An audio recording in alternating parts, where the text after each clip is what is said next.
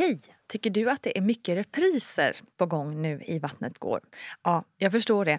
Det beror helt enkelt på att jag, Nina Campioni, just nu har en pop-up second hand i Modgallerian i Stockholm. Så min tid räcker helt enkelt inte tid att göra så många avsnitt som jag hade önskat. Men tills jag är tillbaka på full tid, kom gärna och hälsa på mig i Modgallerian. Vi ses!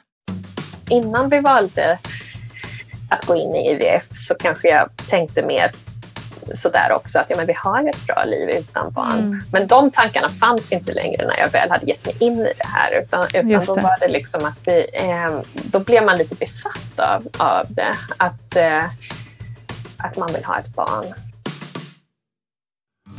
Halli hallå! Varmt välkomna ska just du vara till veckans avsnitt av Vattnet går med mig, Nina Campioni. Kul att du är här tycker jag. Jag sitter själv just nu i mitt sovrum i Italien och faktiskt regnet smattrar på utanför. Så ja, det kan faktiskt bli november även här i Italien. Hur som helst, vi ska idag prata om prematur. Den 17 november förra veckan var det världsprematurdagen som ju är en dag som är till för att öka medvetenheten kring just för tidigt födda barn. Så vad vore inte mer rimligt än att prata om just det här i veckans podd? Och med mig denna veckan har jag journalisten och författaren Cecilia Alstermark som har tagit sina erfarenheter kring barnlängtan, IVF och att föda för tidigt med sig in i sitt arbete, vilket resulterat i flera böcker. Och den ena av dem, Cecilias senaste alster, barnboken Lilla Skilla Känguru, kan du nu också vinna om du springer över till Vattnet Gårds Instagram. Men först tycker jag vi lyssnar på veckans avsnitt förstås. Välkomna ska ni vara.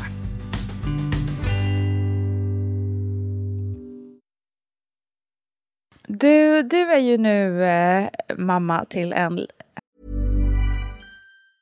Quality sleep is essential. That's why the Sleep Number smart bed is designed for your ever-evolving sleep needs. Need a bed that's firmer or softer on either side? Helps you sleep at a comfortable temperature? Sleep Number smart beds let you individualize your comfort so you sleep better together. JD Power ranks Sleep Number number 1 in customer satisfaction with mattresses purchased in-store. And now, save 50% on the Sleep Number limited edition Smart Bed for a limited time. For JD Power 2023 award information, visit jdpower.com/awards. Only at a Sleep Number store or sleepnumber.com. Life is full of awesome what ifs, and some not so much, like unexpected medical costs. That's why United Healthcare provides Health Protector Guard fixed indemnity insurance plans to supplement your primary plan and help manage out of pocket costs. Learn more at uh1.com. Hey, it's Ryan Reynolds, and I'm here with Keith, co star of my upcoming film, If, only in theaters, May 17th. Do you want to tell people the big news?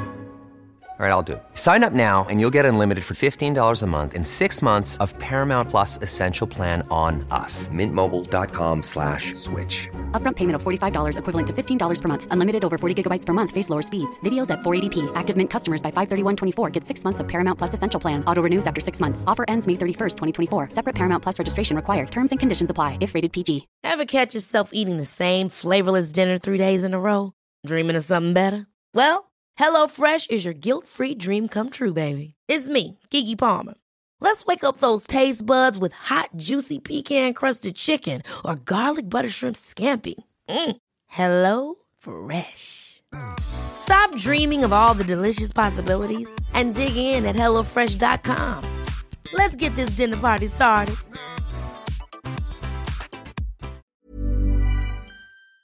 Härlig fyraåring. Um...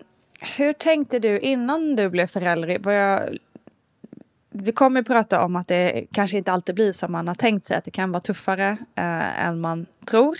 Men vad tänkte du innan liksom, eh, du började fundera på att bli förälder? Eh, ja, eh, jag ville väldigt eh, länge ha barn. Eh, alltså jag, eh, jag längtade mycket efter barn under en, eh, alltså sen jag var ganska ung egentligen.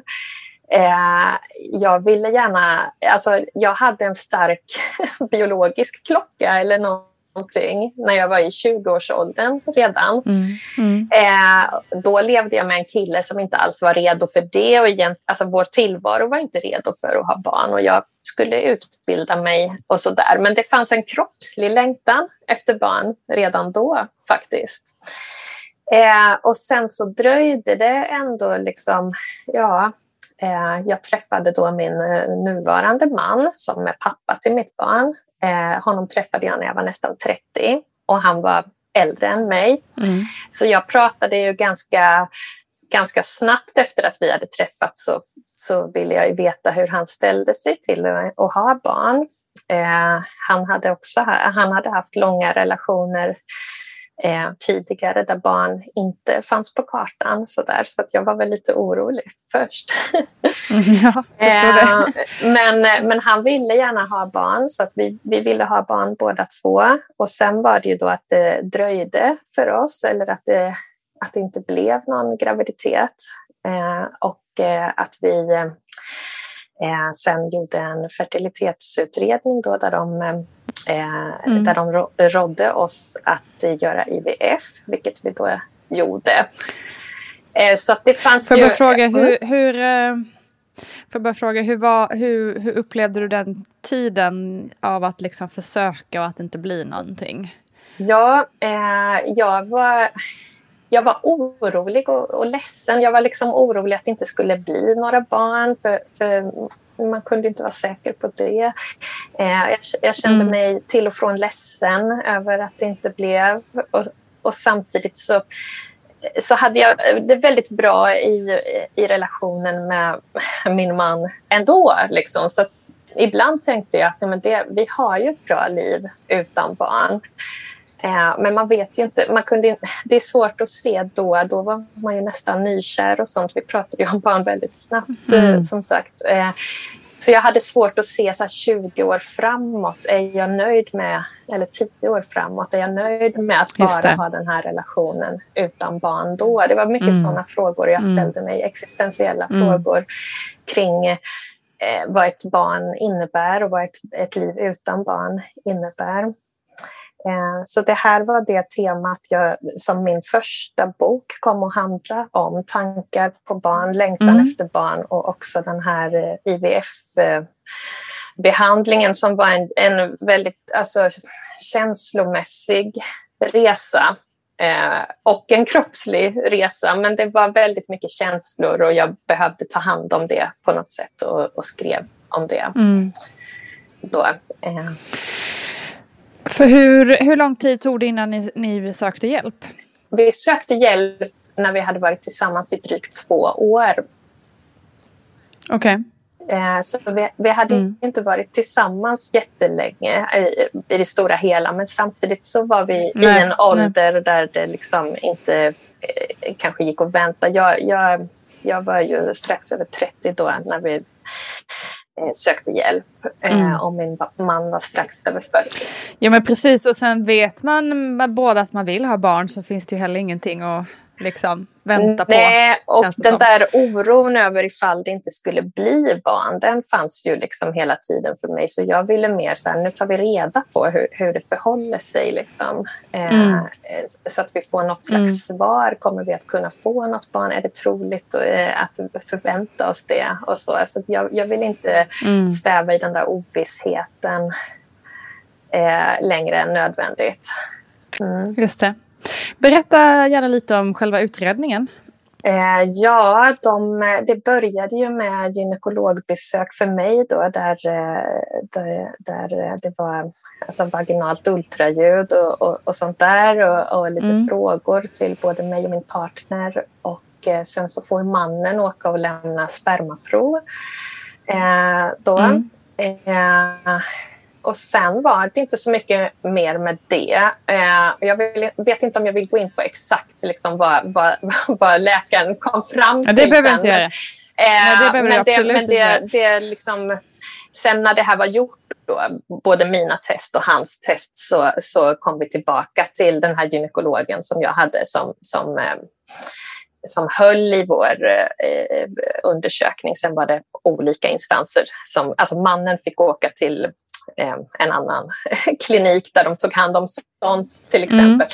Mm. Eh, men så kom vi tillbaka dit och hon gav oss rådet att eftersom ni inte vill vänta, alltså det är möjligt att ni kan bli gravida spontant som det kallas fastän det inte kändes spontant. Mm, mm. Men, eh, men eh, sen så eh, gav hon oss ändå rådet att göra IVF. Och jag frågade att ja, men ska man prova insemination först till exempel och, och då menade hon att nej men det, eh, det, det är nog inte så hjälpsamt för att det är ungefär eh, samma chanser då som, som när man har eh, samlag liksom i ett så. Mm. Eller det skulle inte vara så mycket bättre. Liksom. Så hon förespråkade mm. IVF och, och så gav hon oss lite olika alternativ. Man kunde antingen, vi bor ju i Stockholmsregionen eller i, Stockholms stad och hon sa då att vi kan vi kan göra vår IVF i Stockholm och då får man stå i kö i ett par månader. Eh, tre till sex månader eller vad det var. Eller så mm. kunde mm. vi välja ett annat landsting och eh, då kunde vi göra det när vi vill. Så att hon hade redan samarbetat tidigare med, med kliniker i andra landsting och sa att det här alternativet finns okay. och då får ni bestämma själva mm. när ni vill göra er IVF.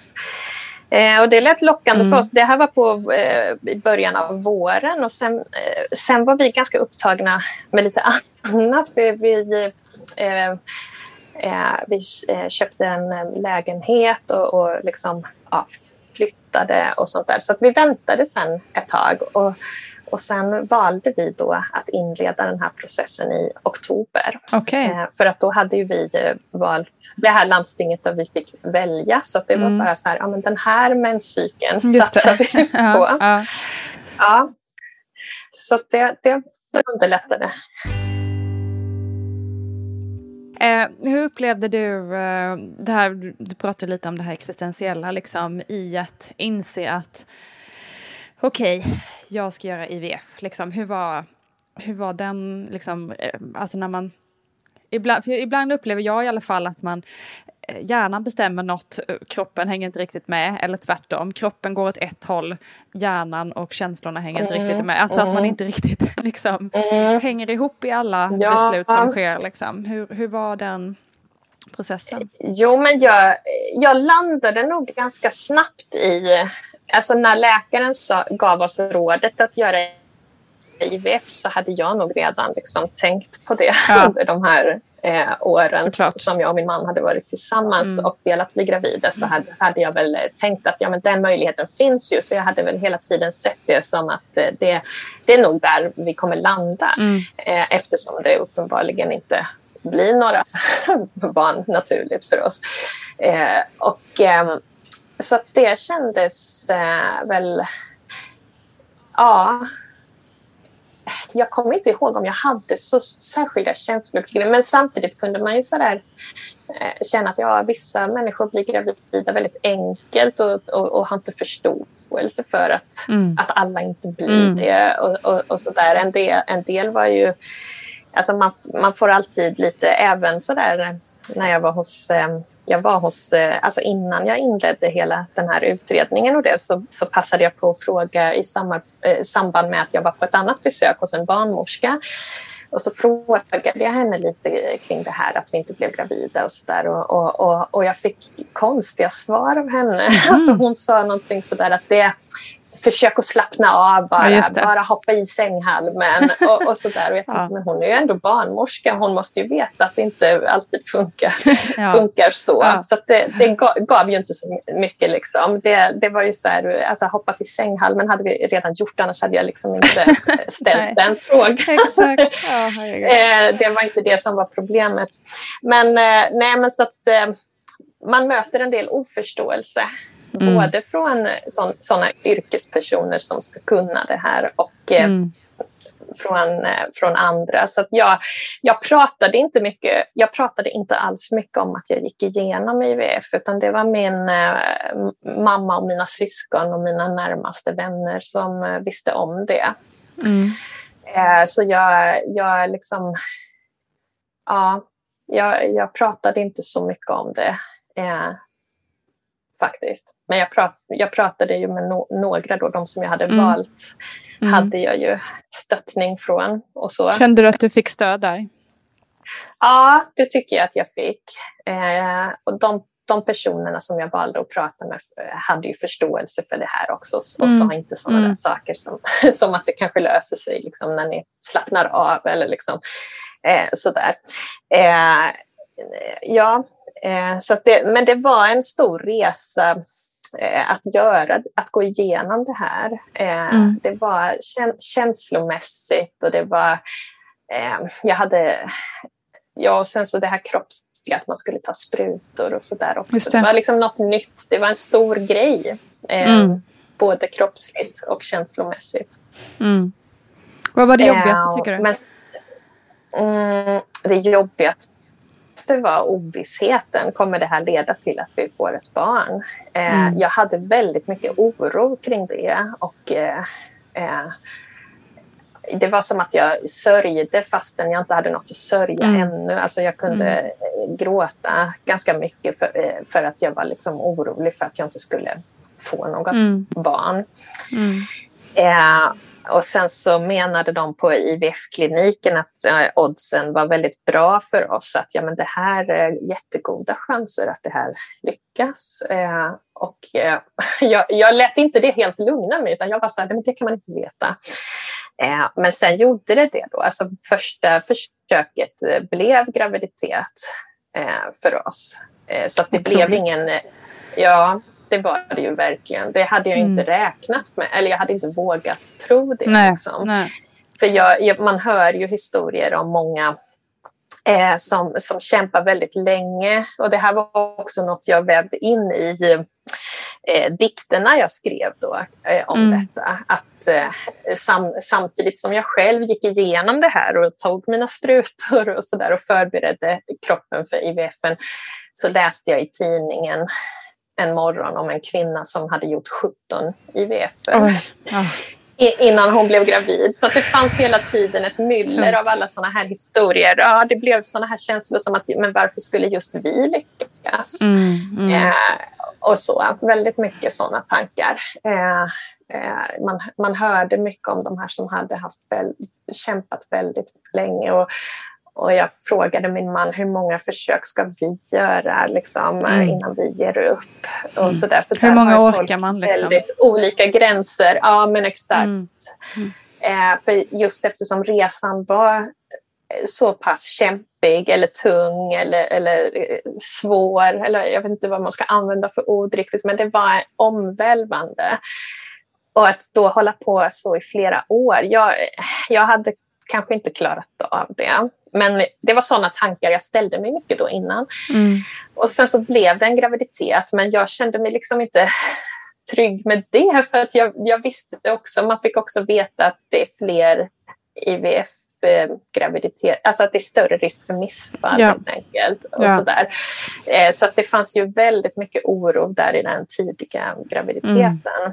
Också. Så att det var så här som att jag kunde, jo, jag kunde slappna av lite och känna glädje över att jag hade blivit gravid. Men också fanns det här andra att ja, men, eh, det är inte säkert att det blir ett barn ändå. Och, och ska jag då göra en till IVF? Och eh, vi kanske inte har samma tur nästa gång. Och, ja, Mm. Mm. det, Lätt det- att måla upp liksom sådana ja, scenarier. det, Mm. det blev så. Och i efterhand kan jag ju känna att ja, men vad synd att jag liksom oroade mig så mycket för hur det skulle kunna bli. Eh, Men eh, jag kan förstå samtidigt att jag gjorde det. Verkligen, det är ju så himla, alltså när det är någonting som är så otroligt betydelsefullt för en och som så sitter så djupt inne i hela kroppen att man bara, man, det är det enda man vill liksom. Det är ju verkligen Mm. inte konstigt att, att Ja, det blev känner så. Det, och särskilt när jag hade liksom gett mig in i det här att vi vill verkligen ha ett barn. Alltså då Mm. ville man inte misslyckas med det här. Såklart. Eller för, för, för då låg det något i det. Att innan, jag, eh, innan vi valde att gå in i IVF så kanske jag tänkte mer sådär också att ja, men vi har ju ett bra liv utan barn. Mm. Men de tankarna fanns inte längre när jag väl hade gett mig in i det här. Utan, utan Just då det. var det liksom att vi, eh, då blev man lite besatt av, av det. Att, eh, att man vill ha ett barn. Mm. Mm. Ja, men det känner jag igen från många andra berättelser just kring eh, den här problematiken att, att man blir, det är det enda som man kan tänka på nästan. Alltså att det, det är svårt att, att kliva ur det. Det, det är det som, som ger eh, riktning och mening. Eh. Så det, det är liksom tungt men samtidigt på något sätt också fint att det, liksom, det, det visar ju på hur otroligt grundläggande det här med att liksom få barn, bilda familj, hur det är för oss människor. Alltså mm. att det är så djupt, djupt, djupt rotat i oss.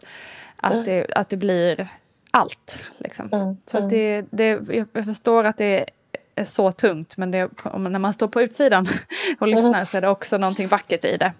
Um,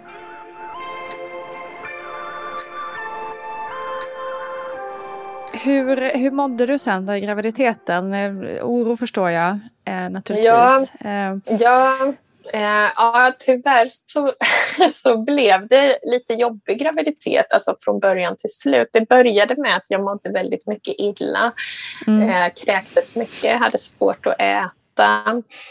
Eh, och ja, jag var extremt trött också. Jag kände mig som en zombie. Det var, mm. det var det var november när jag blev gravid och det var inte min, vintern är inte min bästa tid på året heller. Men det blev liksom som en, en, en enda liksom vintertrötthet eh, som var helt extrem. Liksom. Mm. Eh, och jag, jag hade inte järnbrist eller något sånt där. Det fanns inget liksom fysiskt eh, fel. Så, utan eh, ja, det, jag var fruktansvärt trött och illamående. Mm. Eh, det var jobbigt att äta. och Inget smakade gott. Smakerna var annorlunda. Lukter var annorlunda. Det luktade äckligt överallt. och sådär. Så att jag, var, jag kände mig väldigt gravid om man ska säga så. Alltså det fanns ju någon slags lycka i det i alla fall. Att, att jag upplevde ju hela tiden att jag var gravid. Mm. Eh, det fanns ingen tvekan om det i alla fall. Eh, så att på så sätt så kunde jag liksom känna mig lite lugn. Mm. Men, ja, men jag kunde inte njuta riktigt av graviditeten på grund av att jag mådde dåligt. Eh, men sen så började det bli, illamåendet satt kvar längre än vad alla sa att det skulle göra också. Så att någonstans eh, kring vecka 19 började jag må lite bättre. eh, och då, då slutade nog illamåendet och den värsta tröttheten. Så då hade jag några veckor som var ganska bra. Men sen började jag ju då få alltså, större problem. Eh, jag började få blödningar då. Okay. Jag tror att den, den första var i vecka 21. Eh, Fy vad läskigt. Så då, ja, så då blev det väldigt mycket oro kring det. Alltså då blev det ju en akut oro eller en oro som var helt befogad eller vad man ska säga. Mm, då, mm. då fanns ju det här att jag, för, för jag kunde nog slappna av lite där efter vecka 12 och så där när, när de säger att missfallsrisken är mycket mindre och allt såg ju bra ut på ultraljud och så där så att jag lugnade nog ner mig med de där tankarna på mm, att jag inte mm. skulle få ett barn utan jag förstod ja, men sen så när det här inträffade då och vecka 21 är ju liksom gränsen där också där barn, eh, ja, barn från vecka 22 kan ju klara sig, brukar man säga. Mm. Men, eh, ja, men det var också sånt jag inte visste när det här första kom, utan då var ju tankarna bara missfall. Liksom. Ja, får fy, fruktansvärt. Missfall. Ja, det var det. Och, eh, jag fick ju åka in och ut på sjukhus och undersökas varje gång jag fick en blödning och de kom oftare och oftare. Först var det lite sådär eh, med någon veckas mellanrum och sen eh, Sen blev det varje dag. Liksom. Mm. så att, eh, där i vecka 24 så, eh, så åkte jag in till sjukhuset varje morgon och blev undersökt. Oj. Men vad sa de? Sa att, att, de sa att jag måste... Jo, jag hade placenta previa för föreliggande moderkaka. Mm. Eh, och det hade jag fått veta redan på rutinultraljudet. Ja. Men okay. jag hade inte jag, så jag hade blivit lite förvarnad om att, att då kan man få blödningar. Alltså det är en mm. ökad... Eh, det är liksom att moderkakan sitter under barnet kan man säga. Eh, och, och framför liksom livmodern. Man kan inte föda vaginalt om man har en helt föreliggande moderkaka utan då får man göra planerat snitt Eh, eller akut snitt då i vissa fall, eh, som det sen blev för mig. Mm. Eh, nej, men så att jag fick de här blödningarna och, då, och det blev liksom mer och mer där i vecka 24. Så då, då var det en läkare som frågade om jag ville bli inlagd, vilket jag då ville för att jag, hon såg att jag var så orolig och det här, ja, att åka in till sjukhuset mm. varje dag, det blev liksom en konstig rutin i livet som, som ja, som stressade mig mycket. Mm. Eh, där, eh, I den vevan blev jag ju sjukskriven ett tag också. Då, eh, så att, eh, eh då skulle, hade jag bara det här att fokusera på på något sätt. Men mm. när jag, medan jag gick hemma var jag extremt orolig och gick runt och grät och sådär. Så, så mm. då, då, då, fick jag läggas in på, på special-BB eller antinatal. Eh, och ja, sen så upphörde blödningarna där och det, det jag fick veta var att ja, men du kommer nog fortsätta att ha blödningar eftersom du har den här lågt sittande mm. moderkakan. Mm. Men du, du kan ändå liksom eh, ofta kan man eh, gå igenom graviditeten fram till vecka 37 eller något och okay. sen, kanske, kan, sen kanske, kanske man gör ett eh, kejsarsnitt då för att eh, undvika att eh, en förlossning börjar sätta igång. Liksom. Mm. Det är då det mm. blir farligt för en. För mm. att det, okay. Eh, för att, eh, ja, jag förstod det som att man förblöder liksom, ifall det skulle det. bli en eh, vaginal förlossning när man har den här eh, moderkakan. Eh, så jag bara så okej, okay, jag får väl ha den här graviditeten då. Det, vad ska jag göra liksom? Jag får försöka vara rädd om mig liksom. Mm, mm. Göra det bästa av den här tiden. Jag, eh, jag skulle ju vara sjukskriven då, sa, sa den sista läkaren där. Så jag tyckte att det var hemskt att jag skulle gå runt ensam hemma ja. och sådär. Ja, och bara uh, låta tiden gå liksom. Exakt. Uh, och jag var sådär, jaha men kan jag träna? Kan jag göra det här? Alltså jag, jag, funderade, ja, jag ställde väldigt mycket frågor som sen blev helt irrelevanta. För sen blev det ju så att barnet föddes för tidigt, eller de, de gjorde ett ultraljud på mig sen då. Eh, och då såg de att nej men, du har ju inget fostervatten nästan.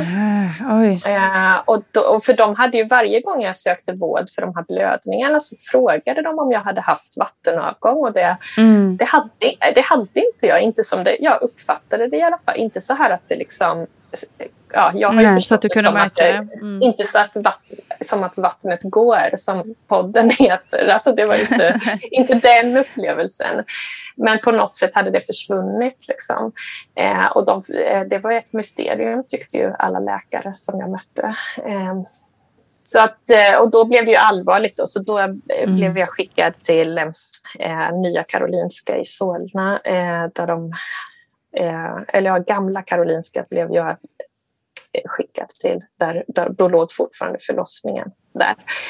Vilken eh, vecka var du då? Eh, ja, men då var det... Då var jag på väg in i vecka 25. Det var i mm. slutet mm. av vecka 24. Eh, och sen så... Och då fick jag veta liksom att ja, men eh, eftersom du knappt har något fostervatten så kan vi behöva plocka ut barnet när som helst men vi plockar inte ut det förrän det är helt nödvändigt. Och jag fick eh, träffa eh, läkare neonatalläkare eh, och så där som berättade vad händer sen när vi har plockat ut ett barn. För det var så man pratade mm. om det, att det, mm. det, blir liksom ett uh, akut snitt när det behövs. Mm. Så det, mm. det var jag beredd på. Eh, och eh, ja, min man var med mig där på, eh, där jag låg inlagd då. Först var jag på förlossningen och sen fick jag komma till antenatalen när det inte var så här, okej, okay, barnet behöver inte födas just nu i alla fall. Så mm. fick jag inlagd mm. på antenatalen där, eh, där man kan bli inlagd om man har problematiska graviditeter eller besvär efter graviditeter. Eller sådär. Eh, Ja, så vi var ju där en vecka eh, innan barnet plockades Hur gick tankarna där liksom? Att, gud vad är det som händer? Det var ju extremt oroligt. Mm. Jag hade ju aldrig trott att barnet skulle födas så tidigt. Alltså, så att jag eh, fick ställa in mig på att barnet skulle komma när som helst. Det var, mm. det var fortfarande så där att jag, jag såg ju, eh, jag fick ju ofta höra att jag inte såg gravid ut. Jag hade ju Mm. inte, inte mycket mage eller sådär. Eh, ja, jag hade inte fått vara med i den här gravidklubben ännu. Eller vad man ska säga. Um, så det var väldigt tungt just det, att bli snuvad på graviditeten också. Det var en sorg uh, och sen var det ju mycket oro för barnets hälsa givetvis. Men vilket skick kommer hon vara i när hon kommer ut så tidigt? Kommer hon kunna leva ett mm. normalt liv eller vad man ska säga? Eller liksom, um, jag, jag hade svårt att se framför mig liksom, vad, vad, vad innebär det att ett barn kommer så tidigt? Man, man får inte veta så mycket om det, så jag hade väldigt lite kunskaper om det. Eh, så jag fick, jag fick ju, det var bra att jag fick träffa läkare från neonatalen redan då innan barnet föddes så att de kunde förbereda mig lite. Och samtidigt så, så, samtidigt så mm. blev det helt absurt också. Liksom. Det var så här, ja, vi plockar ut barnet och sen lägger vi barnet i en plastpåse innan vi kan ta det till kuvösen. Alltså du förstår, det var helt surrealistiskt. Liksom. Uh, ja, uh. Um, så att, um, det blir lite som framtid, alltså som en film nästan. Ja, man, nej det kändes ja, det inte, inte det. Nej, men och det var otroligt mycket att bearbeta. Jag, jag, jag grät jättemycket under den där veckan. Jag liksom sörjde hur det hade blivit. Även om det, skulle, även om det kunde sluta bra så kunde jag liksom mm. inte, inte tänka det då. Jag kunde inte jag kunde verkligen inte se framför mig där jag är idag med den här fyraåringen som är pigg och full av energi och, och liksom verbal och fysisk och allt, allting. Mm. Liksom det, det kunde jag verkligen inte se framför mig, att det, skulle, att det var det barnet som jag skulle få.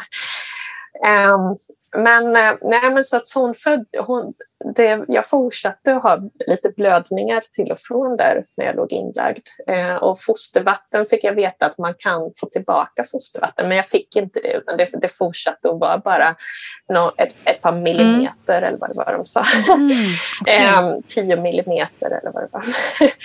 Och eh, nej, nej, det fylldes inte på något fostervatten. Men barnet mådde wow. bra i magen. Alltså, de höll ju koll på henne med ultraljud och sånt där hela, hela tiden. Eller ja, eh, flera gånger om dagen i alla fall. Och, eh, och de såg att hon mådde bra där inne. Ehm, mm. Och sen så men sen så var det att jag fick en stor blödning. Alltså jag kände, på natten kände jag att jag fick så där nästan som menssmärtor. Mm. Och bad dem, jag, jag, sa att jag hade ont och de gav mig Alvedon och så där. Och det kändes, lite kon, det kändes konstigt i magen. Liksom. Och sen på morgonen vaknade jag liksom i en stor pöl, verkligen. Eh, det var som att det, det bara liksom rann blod. Eh, och, ja, och de var jättenoga med allting. De liksom, jag fick ha såna stora förlossningsbindor och så bytte sju, eh, barnmorskorna det på mig och vägde dem för att få veta hur mycket blod, blod det var. Och jag, mm. fick, jag fick inte gå upp och de satte kateter så att jag skulle vara förberedd för, för eh, kejsarsnitt. Då. Mm. Eh, eh, och det blev det sen då den dagen. Alltså vid lunchtid så, så rullade de iväg mig till, till operation. Då. Så mm. jag var, det var ett akut snitt men som ändå var lite planerat. Alltså då, jag fick veta det en stund innan. Eh, och mm. jag, viss, jag, jag var ju beredd på att det kunde hända när som helst. Så det, det var inte...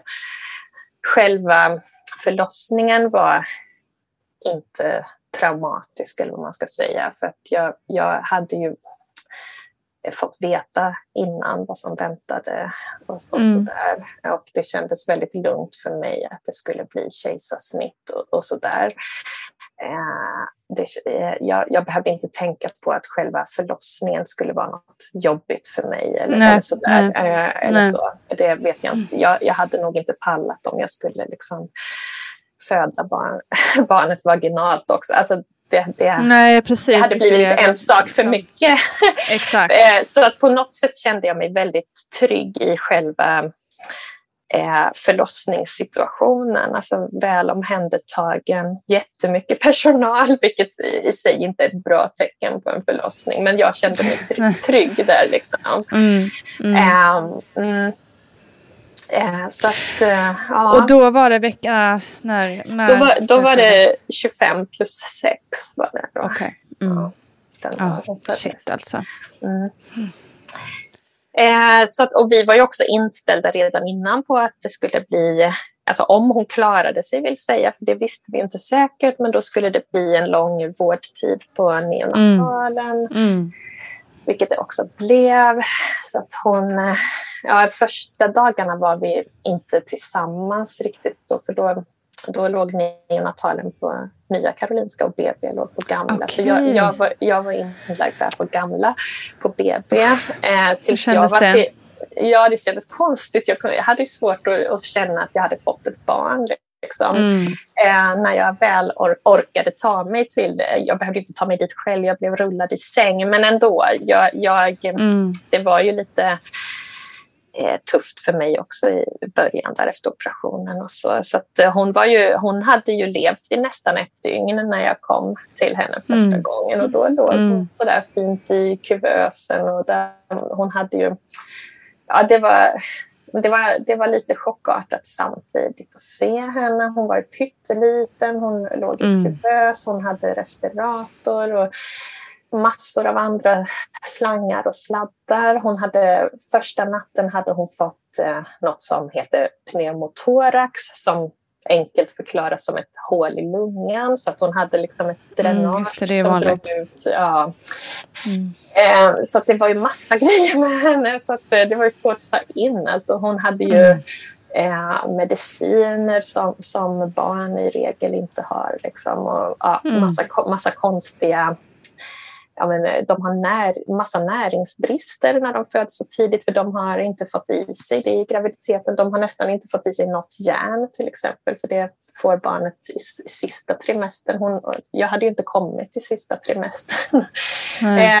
så att eh, hon, har, ja, hon låg där liksom och vi fick inte plocka upp henne ur kuvösen den första veckan för hon var för instabil för det. Liksom. Mm. Vi, fick mm. lägga händerna på henne inne i kuvösen och vi fick, mm. vi fick lära oss att ta hand om henne i den här På det sättet det går liksom. Så vi mm. redan eh, andra eller tredje dagen bytte jag min första blöja på henne. Liksom. Och bara, bara det mm. var ju liksom Alltså man, man tog ett grepp om hennes höfter mellan, mellan tummen och pekfingret och lyfte upp eh, Kul alltså. Ja. Så det, det går liksom eh, knappt att föreställa sig. Eh, jag hade jättesvårt sen när hon blev stor. Liksom. Men hur ska man byta blöja? Det går inte att lyfta upp rumpan längre. Jag, jag förstod inte det här att andra föräldrar tar tag i fötterna fötterna på barnet. Jag tänkte ja. benen lossna. Liksom. Alltså, för så fick man inte göra när hon var en liten, liten liksom. alltså, det gick ju inte att dra i armar eller ben. Likaså någon gång där. Verkligt alltså. Ja, eh, så det var, det var, var, var en helt annan värld. Det var liksom som att, eh, att, för, att man hade eh, fött en annan art eller någonting. Alltså det låter mm krasst att säga så, men, men så kändes det lite som, ja. Mm. men, men, eh, men sen så... Men hur, hur var liksom, för jag tänker vecka 25 plus 6, mm. eller så här, det som du säger, man har knappt, det har knappt börjat liksom synas utåt att det är en mm. graviditet. Mm. Och man, du hade precis börjat kanske känna att du inte mådde illa och mådde skit mm. och var trött mm. och sådär. Eh, och jag, när jag födde mitt barn fullgånget, gick över tiden och sådär, blev första gångs mamma.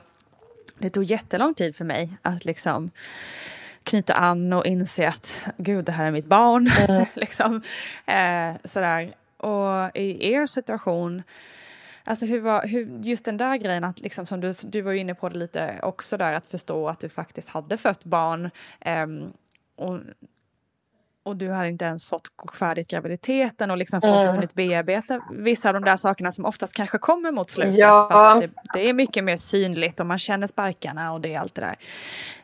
Um, alltså hur var, hur var det liksom mentala där? Att, ja. Att bli, det var, det var lite märkligt. Jag kände mig ju inte som att jag hade blivit en mamma eh, i mm. början. Utan det var liksom... Ja, jag tänkte... Jag kan nämna, jag, jag skrev... Det här blev temat för min andra mm. bok. Då, så jag skrev mycket under den här perioden och formulerade allt det här. Och, eh, och en dikt börjar då med är du mitt barn? Mm. För det, det var så jag kände när jag såg henne de första gångerna.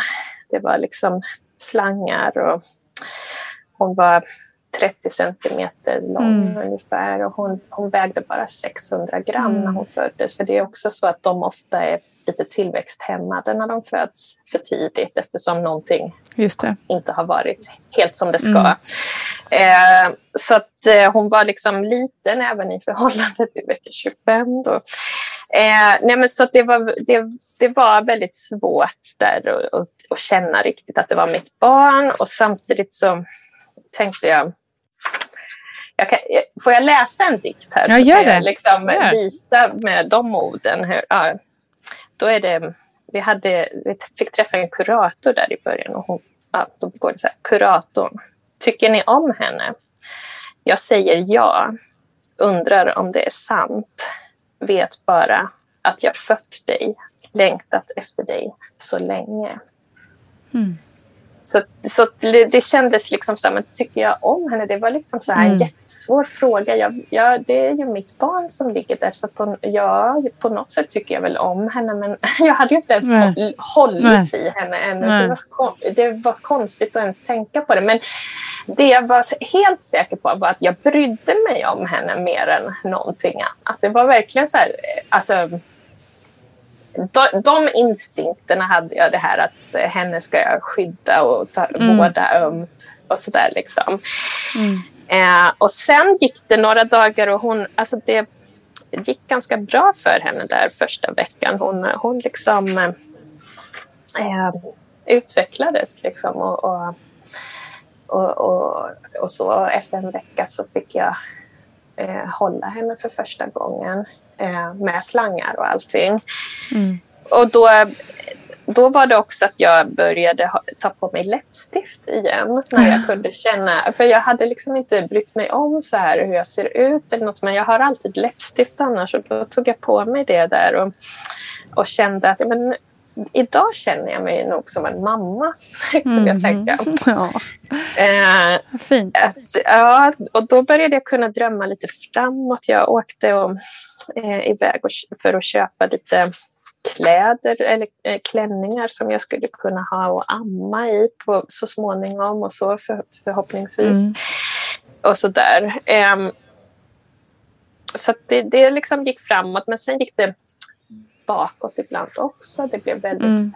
drama dramatiskt. För det, hon blev väldigt sjuk där eh, hon okay. var väldigt liten fortfarande. Så det var det var väldigt turbulent. Det var liksom framåt och bakåt, framåt mm. och bakåt. Mm. Men, men på det stora hela så blev, så gick, blev det bra till slut. Så vi var, mm. på, vi var på olika neonatalavdelningar i sammanlagt ja, i nästan tre månader. Då, tills oh, hon, det är så lång tid alltså. Eh, ja, och en del kan vara oh. ännu längre. Alltså, mm. vi, vi var då på, inlagda tills hon eh, var nästan fullgången då.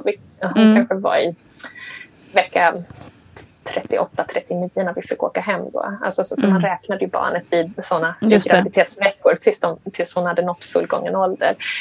Eh, så i den vevan så fick vi flytta hem. Då. Eh, men det finns de som det finns de som får vara kvar ännu längre än så om mm. barnet har liksom något några mer svårigheter. Jo, eller så. såklart.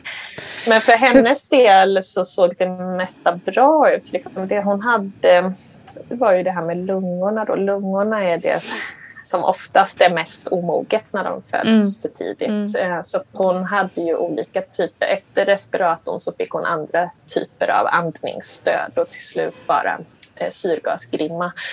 Eh, då. Så det var det hon hade fram tills att vi fick åka hem. Många får ta med sig syrgas hem också och ha, ha kvar det ett tag, men det behövde inte vi. Utan det enda hon hade kvar eh, från sjukhuset när vi åkte hem, det var den här sond, sondslangen mm. i näsan som mm. hon fick mjölk i. Så att de första månaderna pumpade jag ut mjölk till henne och så, sen så fick jag liksom amningsträna när hon blev mm. mogen för det. För jag jag hade mjölk de första månaderna så den fick hon i en, en slang och, sen, och så fick jag då pumpa och det här med pumpningen var också väldigt tufft, alltså något som mm. dränerade mig ganska mycket. Ja. Så att när hon var i den här åldern att vi nästan flyttade hem, då slutade jag faktiskt med pumpningen och så, och så mm. ammade jag eh, så mycket hon orkade eller sådär. Och så, och så gav vi, eh, sen när min mjölk tog slut, jag hade ett lager i frysen där eftersom det var mycket, i början var det mer mjölk än vad hon kunde få i sig. Mm, så då, spa, mm. då sparar man det till barnet. Mm. Och sen när den tog slut så gav vi ersättning i sonden. Eh, och sen när hon skulle lära sig att äta själv så eh, alltså de har ju ofta lite svårare att amma, de som är födda för tidigt. Hon var ju väldigt liten fortfarande då när hon var mm. liksom full, fullgången så, så var hon ju rätt liten i jämförelse med de flesta fullgångna. Eh, men, nej, men så att hon, hon eh, kunde aldrig helamma utan vi liksom kompletterade med med ersättning i nappflaska då när hon kunde bli av med den här sondslangen. Eh, och sen fortsatte jag att amma ett litet tag och sen verkade mjölken försvinna så då, då, gav vi, då gav vi flaska helt och hållet sen. Eh, och det kändes bra eftersom vi kunde hjälpas åt då, båda föräldrarna. Så att, eh, ja, men det, det, ja, så blev det i alla fall.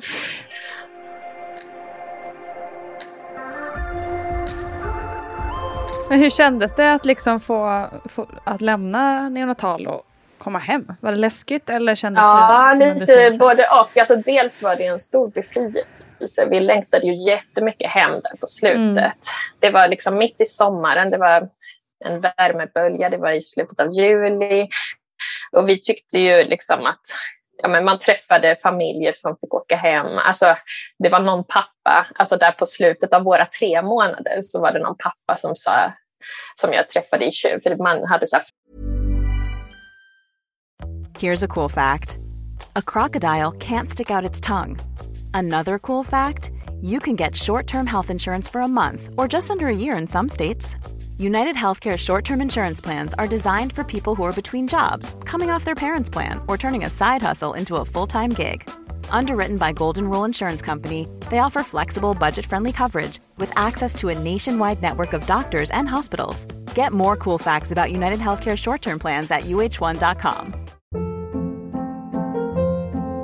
Hold up. What was that? Boring. No flavor. That was as bad as those leftovers you ate all week. Kiki Palmer here, and it's time to say hello to something fresh and guilt-free. Hello Fresh. Jazz up dinner with pecan-crusted chicken or garlic butter shrimp scampi. Now that's music to my mouth. Hello Fresh. Let's get this dinner party started. Discover all the delicious possibilities at hellofresh.com.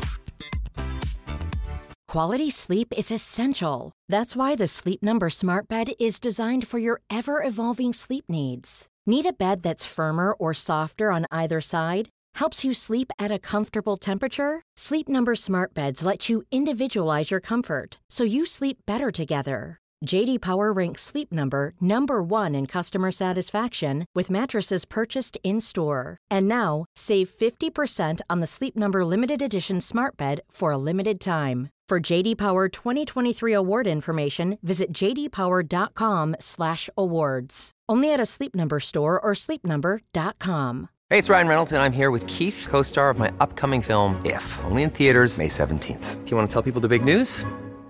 All right, I'll do it. Sign up now and you'll get unlimited for $15 a month in six months of Paramount Plus Essential Plan on us. Mintmobile.com slash switch. Upfront payment of $45 equivalent to $15 per month. Unlimited over 40 gigabytes per month. Face lower speeds. Videos at 480p. Active Mint customers by 531.24 get six months of Paramount Plus Essential Plan. Auto renews after six months. Offer ends May 31st, 2024. Separate Paramount Plus registration required. Terms and conditions apply if rated PG.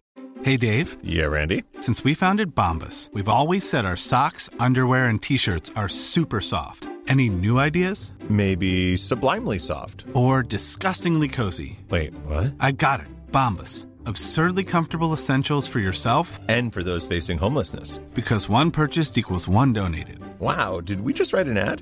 Yes. Bombas. Big comfort for everyone. Go to bombas.com slash ACAST and use code ACAST for 20% off your first purchase. Föräldrakök där man träffade andra och så, så var det en pappa som sa ja, idag ska vi åka hem. Tre veckor räcker. Tre veckor Yep. Eh, Sådär. Och då kände man hur segt det kändes där på slutet. För att det var också så här att hon, hon var nästan färdig med sjukhuset kändes det som. För att hon Mm. hade så ytter, pyttelite syrgas där på slutet. Och det var det de väntade på, att hon skulle bli av med syrgasbehovet så att vi skulle slippa ha det hemma eftersom hon var så nära att bli Mm. färdig eller vad man ska säga. Eh, så att man, hon hade den allra lägsta inställningen med syrgas eh, ett tag där på slutet och det var väldigt så här, men hallå. Eh, ja, man, man bara, men ger det ens någonting när det är så lite svag inställning? Tänkte jag, jag vill ju bara åka hem. Mm. Eh, och samtidigt var det ju lite läskigt att åka hem för då hade hon ju inget övervak. Annars eh, har de ju sådär så att man ser alltså, Såklart. saturationen och pulsen Mm. och allt det där. Det har ju synts på en skärm under tre månader och så ska man åka hem och ha ingen koll på Mm. På vad hon har för syremättnad i blodet eh, och sådär. Eh, så det var lite läskigt. Och jag, jag, alltså jag, har ju jag hör ju från de flesta föräldrar till fullgångna att de också känner efter om barnet Mm. andas. Men, Mm. men för mig, mig blev det ju, det var ju en rejäl risk att hon faktiskt kunde sluta andas för att det hade hon ju gjort under de här, alltså fått andningsuppehåll, Mm. apnéer under de här tre månaderna. Så det är klart att eh, det oroade mig. Ehm, men jag kunde relativt snabbt så kunde jag släppa ändå oron. Alltså jag, hon fick sova i eh, spjälsäng och, och sådär. Och, ja, jag vaknade ju flera gånger och, och kontrollerade att hon andades. Det gjorde jag i början. Eh, Men eh, jag satte inget andningslarm eller sådär.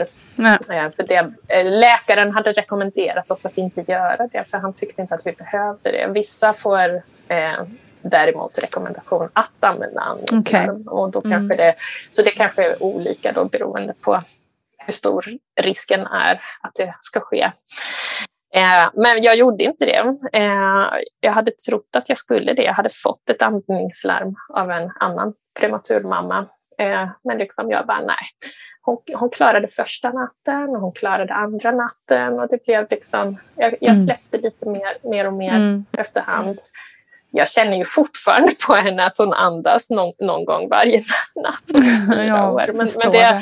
Ehm, det är svårt att släppa det helt och hållet, men, men jag släppte det ganska bra relativt snabbt, tycker Mm. jag. Eh, och hon fick ju aldrig... Det hände ju aldrig något. Alltså man, man hörde från en del andra med prematura barn att de, att det, att de fick något andningsuppehåll och fick söka akutvård och sådär. Mm. Och det, det hände aldrig oss. Så att det, då, eh, då försvann väl den värsta Mm. oron Mm. där. Ändå. Skönt. Ja, så vi hade en väldigt lugn, lugn tid. Efter, Ja. att, efter att vi väl kom hem så, så, så var allt bra med henne. Liksom. Tack och lov. Ja. Men du måste också backa bandet lite och fråga hur du mådde rent fysiskt. För du hade ju ändå den här problematiken med moderkakan. Eh, du fick ett akut kejsarsnitt. Du hade ju blött mycket innan. Alltså, hur mådde du fysiskt efter kejsarsnittet? Ja, men eh, ganska bra faktiskt. Jag, eh, jag hade, alltså när allt i mängder så hade jag nog inte förlorat så där jättemycket blod. Men, då, men jag hade väl lite lägre järnvärden än vad man ska ha. Jag, jag har så här eh, jättehöga järnvärden som i mitt naturliga tillstånd. Så- Men jag fick Okej. väl lite järntabletter eh, för då hade jag lägre än, än vad man ska ha tydligen. Eh, men annars, ja, jag hade svårt att gå eh, första veckan efter kejsarsnittet. Det är väl eh, nackdelen med kejsarsnitt egentligen. Att eh, eh, det är lite svårt att röra sig. Ehm, eh, första dagarna så åkte jag eh, ja, först åkte jag, rullades jag i säng och sen rullades jag i rullstol och sen efter några dagar så försökte jag klara mig själv. Då flyttade vi också in till Mm. neonatalen där, eh, där barnet vårdades då efter några dagar. Eh, så att det funkade bra. Ja, det var svårt att gå ett tag. Det gjorde on, ont eh, alltså där, eh, Mm. eh, efter, snittet. Men i övrigt så tycker jag att jag mådde bra fysiskt. Det gjorde jag. Jag Mm. repade mig. Eh, det kanske också var en liksom, eh, fördel för mig då, eller vad man ska säga, att jag inte hade gått igenom någon lång graviditet. Alltså mm. kropp, kroppen hade inte förändrats så mycket eller så. Eh, utan, eh, utan när barnet väl var ute så var liksom graviditeten verkligen över. Mm, mm. eh, så, så att det var bara smärtan efter, efter, efter snittet eh, egentligen. Mm. Eh, så annars, annars tycker jag Ja, och sen var det klart att, att det här att kroppen var lite svag för att jag hade ju inte tränat på länge. Jag hade legat mycket i säng och, och sådär. Mm. Så att jag, hade, jag, hade, jag hade väldigt ont i ryggen, eh, minns jag nu. Eh, men jag tänkte inte så mycket på hur jag mådde faktiskt. Jag tänkte bara på Nej, Det på blev sekundärt antar jag. Ja, precis. Ja, men mm. sen var det i alla fall när barnet stabiliserade sig lite och vi blev flyttade till ett annat sjukhus efter en månad. Och då, där gick jag ut en stund varje dag med yogamatta på en gräsmatta faktiskt. Så jag försökte ju ta hand om, om kroppen eh, just mm. med ryggen och, och sådär. Eh, och liksom när jag eh, när jag inte kände smärta efter det här snittet längre så, så mm. gick jag ju lite promenader och såg till att komma ut. Så jag, jag försökte ju ta hand om mig själv också. Mm. Och det gjorde jag. Bra.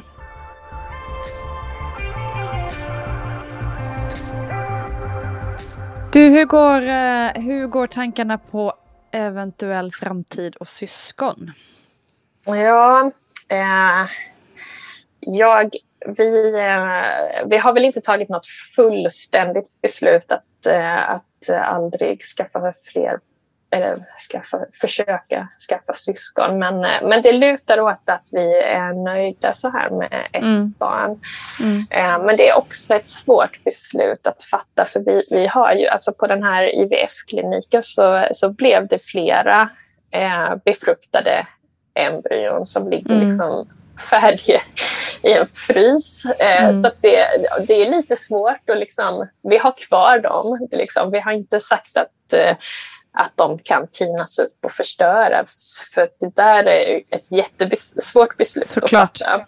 Mm. Ja, så att de får ligga där och ticka och kosta pengar. Liksom. Det, mm. Vi får betala för att ha dem där, men det får vara så tills vidare. Eh, så att man inte eh, ja, men, men eh, just nu känner vi nog båda två att det räcker ganska gott med ett barn för oss.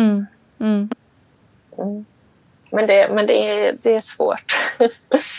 det förstår jag verkligen. Och det kanske man aldrig riktigt eh, vet vad som är rätt och fel i, eh, i slutändan. Eller rätt och fel, men liksom jag, tror, för jag, jag bara ser till mig själv, liksom, jag har två barn eh, och fick liksom, min kropp bestämde själv att jag inte skulle kunna få fler barn. Eh, och i det blev jag också så här, fast jag vill ju ha fler barn och det visste jag inte innan. Eller, eller så här liksom, man blir, ja, det är svårt. Det, det, det känns som en sak som man aldrig riktigt bara så kan bestämma sig helt mm, för mm, i både nej. kropp och själ och hjärta. Mm, liksom. Eh, mm. att alla det är klart att vissa kan det naturligtvis. Men, men just att det, det är en sån där grej tror jag som, som kvinna att man alltid lite kommer mm. grunna på mm. fram och tillbaka. Ja men verkligen. Ja, jag, jag, tror att jag kommer ha svårt att landa i ett beslut där. Så att mm. liksom, eh, kroppen eh, kommer få liksom kommer ju sätta stopp för fler mm. graviditeter så småningom. Ja. Och det är väl så det får bli kanske. Ja, precis. Mm. Du, vill du skicka med något, eh, någon tanke till någon som kanske befinner sig på neonatal just nu eller har en tuff graviditet eller inte äh, har kunnat bli gravid som hon har önskat eller liknande? Något råd eller någon tanke? Ja, alltså det, till de som är på neo till exempel, de befinner sig ju i en eh, otroligt alltså, tuff situation där man, man, har, man, man kan inte se framför sig att man kommer ha ett vanligt familjeliv eller så. Och för, mm. för alla kanske det heller inte blir så, men, men för de allra flesta så blir det ju ett liv efter neo där neotiden och graviditeten hamnar längre och längre bort eller, eller så där. Det blir, det blir mm. minnen eh, och man, man har sitt barn och sin familj. För de flesta blir det ändå så, även om det kan se olika ut. Och, eh, eh, det är väl det jag själv hade velat känna när jag var i den situationen, att eh, eh hur det faktiskt kan bli efteråt, mm. att, det kan, att det kan bli så bra till slut. Eh, och även med graviditeten. Och, eh, jag hade nog velat veta att det kan gå så bra för de barn som föds för tidigt, för att jag var ju så, så rädd för mm. att hon skulle mm. komma så tidigt. Eh, som hon skulle göra. Jag hade velat ha mer information, hade velat att eh, barnmorskemottagningen också informerar om det som faktiskt kan gå fel, men också gett eh, liksom, den lugnande statistiken att så här, så här bra blir det för mm. de flesta barn som mm. föds i de här tidiga veckorna. Mm. Eh, det är lite som att man, man är rädd för att prata med gravida om sådana saker. Men istället blir vi som har avvikande graviditeter får väldigt mycket svår oro att ta mm, hand om mm, själva för att vi inte mm. får information. Mm. Så det, ja, det hade jag velat skicka med. Mm. Får rikta ett stort tack till den fantastiska vård som trots allt finns i vårt land. Absolut. Um, Gud vad härligt Cecilia underbart att höra att allting blev bra till slut, även om vägen dit var otroligt kämpig. Eh, tack så mycket för att du ville vara med och berätta. Tack för att jag fick vara med. Tack, tack, tack Cecilia Alstenmark för att du tog dig tid att berätta om din väldigt, väldigt utmanande historia. Och tack för att du hittat så bra sätt att uttrycka den på. Spana in Cecilias böcker Pärlemor och Fosterlandet. Och så kan du alltså också nu vinna Cecilias allra senaste bok Lilla Skilla Känguru eh, som är en barnbok. Tävlingen pågår just nu faktiskt på Vattnet Gårds Instagram så kila direkt över dit vet jag. Tack alla som lyssnat. Ni är absolut bäst i hela, hela världen. Så ni vet. Stor kram på er. Vi hörs snart igen. Hej då!